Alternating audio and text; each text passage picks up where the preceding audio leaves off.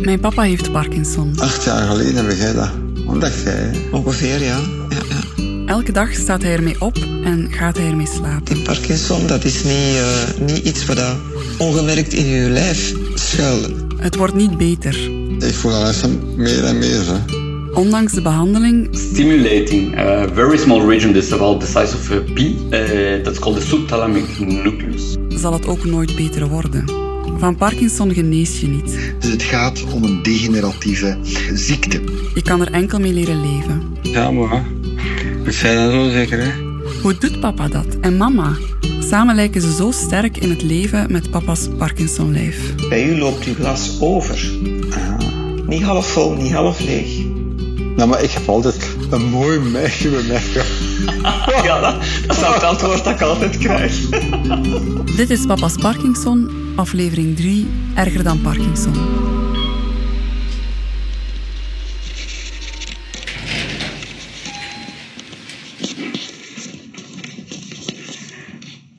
Oké. Okay.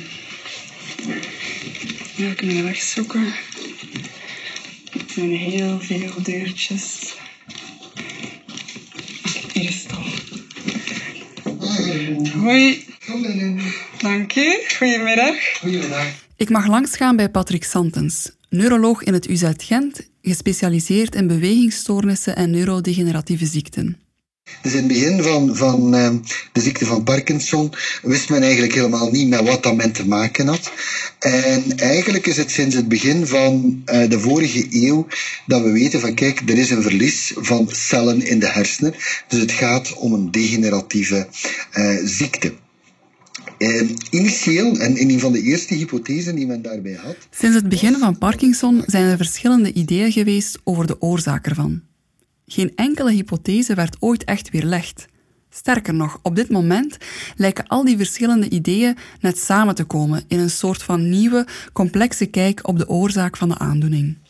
En dus is men eigenlijk nu um, met verscherpte aandacht niet alleen naar de hersenen aan het kijken, maar ook naar weefsels buiten, om te zien of dat ontstekingsprocessen, bijvoorbeeld in de darm, geen rol kunnen spelen in het ontstaan van die ziekte. En wanneer men zegt ontstekingsprocessen, die dan die eiwitgeneratie geven, maar wanneer men zegt ontstekingsprocessen, dan denkt men natuurlijk aan voeding, dan denken we ook aan um, bacteriën in de darm, het microbioom, zoals men dat noemt. Hè. En dat is uiteindelijk de focus van heel veel onderzoek, onder andere ook het onderzoek dat, dat wij aan het doen zijn. Hè.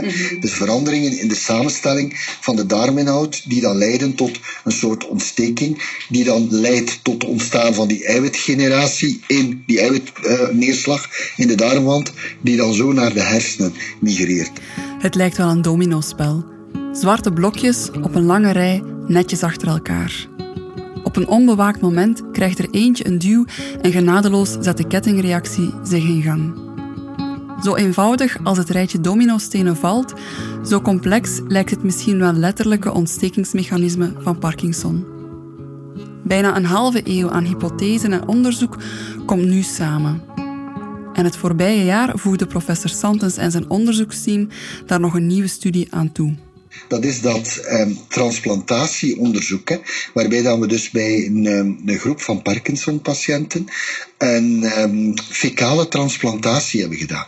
Dus voor een goed begrip, een fecale transplantatie, dat betekent dus dat je uh, probeert om de bacteriën van de darm te veranderen. Voor een nog beter begrip, transplanteren is het overbrengen van iets en fecaal komt van het Latijnse feces en betekent uitwerpselen. Ofwel ja, gewoon kaka. In het onderzoek hebben ze dus gezonde stoelgang met gezonde bacteriën overgebracht bij patiënten met Parkinson. Dat is interessant, omdat we weten dat mensen met de ziekte van Parkinson een lichtjes andere stoelgangsamenstelling hebben. Dus bacteriële samenstelling die we ook terugvinden in de stoelgang. Maar de bacteriële samenstelling van de darminhoud is anders bij mensen met de ziekte van Parkinson dan bij de gezonde controles. Er zitten eh, iets meer bacteriën in waarvan we weten dat die inderdaad naar ontsteking kunnen leiden. Volgens de kunst van het evidence-based werken heeft het onderzoeksteam het voorbije jaar de evolutie van een groep patiënten gevolgd.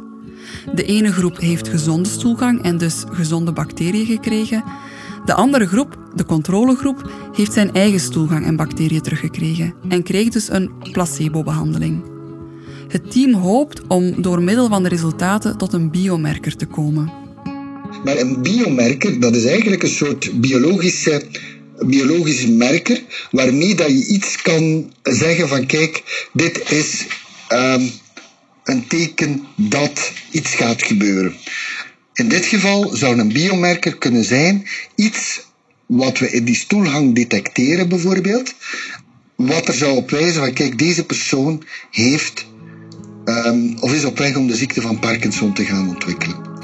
Voorbeelden van zulke merkers zijn bepaalde bloedwaarden of bepaalde verhoudingen van bacteriën of een bepaalde stof die aanwijst hoeveel ontsteking er is in de darmwand. Het kunnen verschillende dingen op zichzelf zijn of net een combinatie van dingen. Waarom is dat nu belangrijk, zo'n biomerker? Wel, uiteindelijk weten wij ook dat het, het, het gaat waarschijnlijk niet mogelijk zijn om een hele bevolking te beschermen tegen, een, um, tegen het ontstaan van een ziekte. Maar het zou wel interessant zijn, moest je toch een verhoogde kans hebben om die mensen te identificeren die nut zouden kunnen hebben van een potentieel afremmende behandeling. En dat geven ze best ook zo vroeg mogelijk.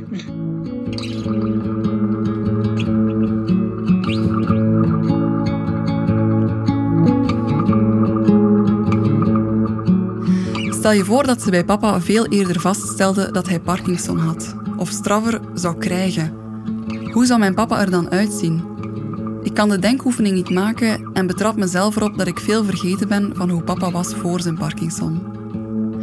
Natuurlijk herwoont papa met zijn DBS een deel van zijn leven van voor de eerste symptomen ik durf me eigenlijk ook niet af te vragen hoe hij nu zou zijn zonder de DBS, maar het is des te confronterender om nu te merken dat die symptomen onvermijdelijk weer de overhand nemen. Ik ben zo sterk geworden op het ogenblik. Mijn uitspraak is wel lastig geworden. Of mijn voeten wassen in de douche. En mijn benen. Gewoon dat is niet meer gemakkelijk.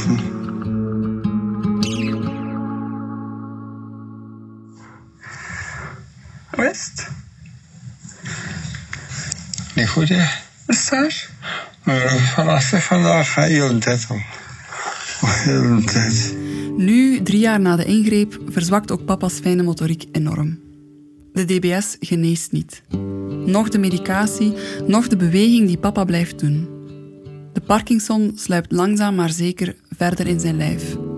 Praten wordt soms mompelen, schrijven wordt kriebelen. Hij gaat naar de logopediste die hem helpt om luid en duidelijk te praten. Papa gaat ook samen met mama twee keer in de week naar de fitness om met een personal trainer te sporten. En dan gaan ze ook nog eens samen op zondag zwemmen met Parkiswim, een speciale groep voor mensen met Parkinson. En dan is er soms ook kine. En dan zijn er ook gewoon de dagelijkse oefeningen die hij thuis doet en de fietstochtjes en de wandelingen die hij brood nodig heeft om zich goed te voelen. Waar hij in 2013 niet goed kon vatten dat hij een ernstige ziekte heeft, voelt papa nu dat deze ziekte zijn leven bepaalt. Ik had dat toen het niet door. Oh, en nu ben ik wel door te hebben dat het precies van ernstige aandoening is. Maar... En wat merkte dan? Dat dat ernstig is? Ja, ik heb beweegmoeilijkheden eigenlijk wel. Hè. Hmm. Ik weet niet hoe dat mankeert op mijn lijf. Maar als je zegt dat je bewegingsmoeilijkheden hebt, um, wanneer merkt je dan dat je niet kunt Aan schrijven. Je moet echt heel goed concentreren. Als dat ik een tijdje heb, lang. Een tijdje op woensdag 3 augustus. Ik wil dat ik even moet dat heel traag dan even. En dan wordt dat niet meer leesbaar. Normaal schrijven gaat dat allemaal niet. En hoe is dat voor u? Gaat wel wat anders, maar mag je het goed noteren of zo, dat gaat dat niet. Je moet dat in je hoofd proberen te onthouden. Een treinticket invullen op woensdag 3 augustus. Een meer passend voorbeeld bestaat niet. Treinen zijn, zeg maar, papa's passie. Hij is er zijn hele leven mee bezig geweest. In zijn ene job als mobiliteitsplanner en in zijn andere job als reisbegeleider. De kans is groot dat als je ooit met een nachttrein naar Zwitserland bent geweest, je s'morgens bent gewekt met door de luidsprekers papa's jolige imitatie van een koekoek. En naast die passie is het ook gewoon een levensstijl. In ons gezin is er nooit een auto geweest. Papa was al duurzaam nog voor het woord bestond. Elke verplaatsing was en is ook nu nog doorgaans of per fiets of per trein.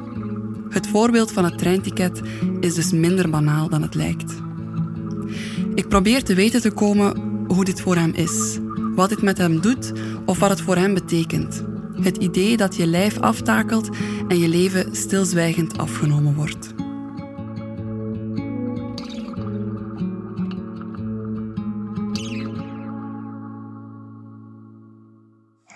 Denkt u er soms ooit over na hoe dat, dat verder gaat evolueren?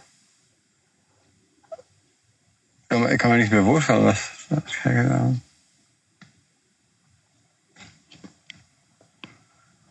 Ik kan me niet voorstellen hoe dat gaat evolueren. Dus. Maar moet je dan denken, hoe kan dat? Want dan moet ik als zo'n doemsnel bedenken. En zo zit ik in elkaar. Papa vertelt dat hij zich niet kan voorstellen hoe het verder zal evolueren. Dat hij zo niet in elkaar zit. Dat is waar. Papa is rationeel, altijd al geweest en dat zal hij altijd zijn. En mama is inderdaad sneller bezorgd en voorkomt soms zo, zoals papa ze noemt, doemscenario's. Hun sterktes werken complementair. Ze vullen elkaar aan en ze hebben allebei een beetje gelijk. Maar elke doorgedreven sterkte wordt een valkuil. Is papa rustig en rationeel of kijkt hij bang en vermijdend weg van wat pijn doet? Je denkt er dan gewoon niet over na. Ik denk dat het de beste oplossing gaat. En dat echt, oh, ik niet over nadenken. Oh. Maar dat met dat dingen goed gaan, maar. Uh,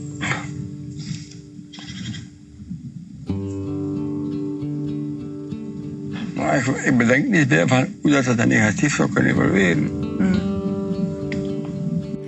Ik kan moeilijk geloven dat papa nooit verder nadenkt over hoe het verder evolueert en dat dit niets meer met hem doet dan het is soms ambetant.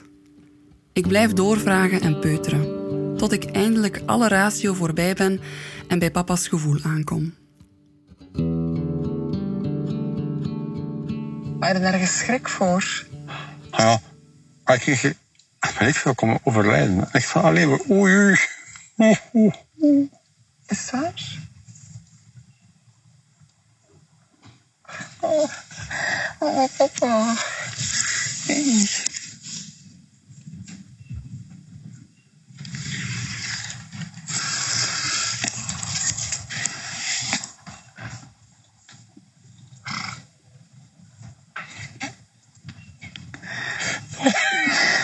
Heel verdriet.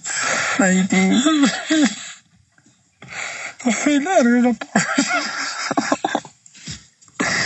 Oh, papa toch.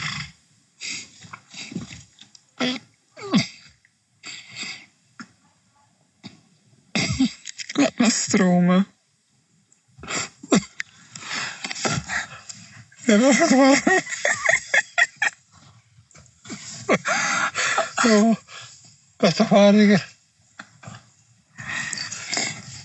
Wat als mama er plots niet meer is? Het is niet zomaar een vluchtige gedachte. Ik voel aan papa dat het een echte angst is. De schrik om alleen te vallen, die is veel erger dan Parkinson. Papa heeft mama nodig. Zonder haar lukt het niet meer. Dat mag, hè? Dat mag natuurlijk bijna. Is er precies nog niet allemaal uit. Dat blijft erin. Is dat omdat dat zo'n grote schrik is? Je wordt samen oud.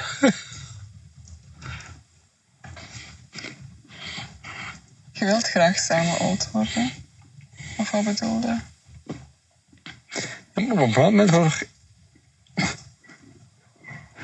een spoelverandering komen. Een van de spelers overlijden. Je wordt samen met z'n tweeën oud, maar op een bepaald moment valt één van de twee weg. Een spoorverandering. De trein waar je al die jaren samen op zat, stopt.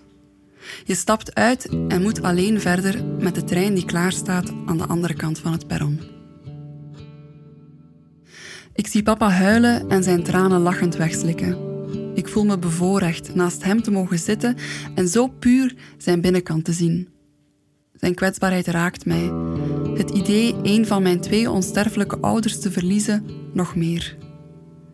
Ik wil graag dezelfde vragen aan mijn mama stellen, maar ze ziet het niet zitten om hierover te praten of toch niet met een micro onder haar neus. Alleen al denken aan het verlies dat er onvermijdelijk zal komen, doet haar te veel verdriet, dus wil ze er liever niet aan denken. En met die nee leer ik de schoonheid van het niet praten en zwijgend samen zijn en koesteren wat er is, wie er is. Ik heb mij opgetrokken aan twee dingen. Eerst en vooral dat, dat er een ziekte is waar dat je niet aansterft, maar mee sterft. Dat is niet, niet zoals kanker. Tweede dingen waar ik mee aan optrek, dat is dat bij u uw glas altijd overloopt. Je kunt niet zeggen zelfs dat het vol is, het, het loopt altijd over. Je hebt altijd genoeg. Dat is toch, Fred? Altijd genoeg. Ja, je hebt mensen bij wie het glas half vol is of half leeg is. En ik trek dat beeld, die beeldspraak door en ik zeg, bij u loopt uw glas over. Niet half vol, niet half leeg. Ja, maar ik heb altijd een mooi meisje bij mij ja, dat, dat is het antwoord dat ik altijd krijg.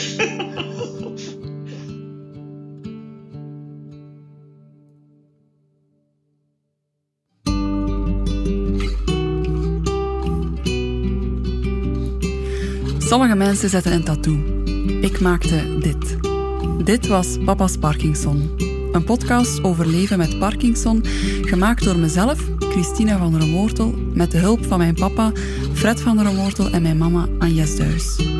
De muziek en de mix werden met de schoonste zorg gemaakt door Steven Vergouwen.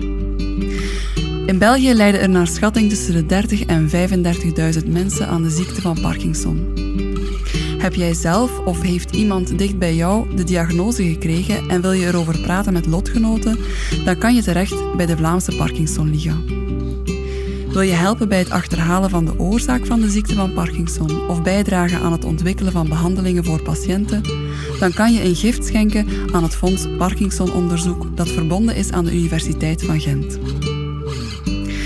Ik deelde het verhaal van mijn papa en mama met jou. Merci om het op jouw beurt met iemand anders te delen.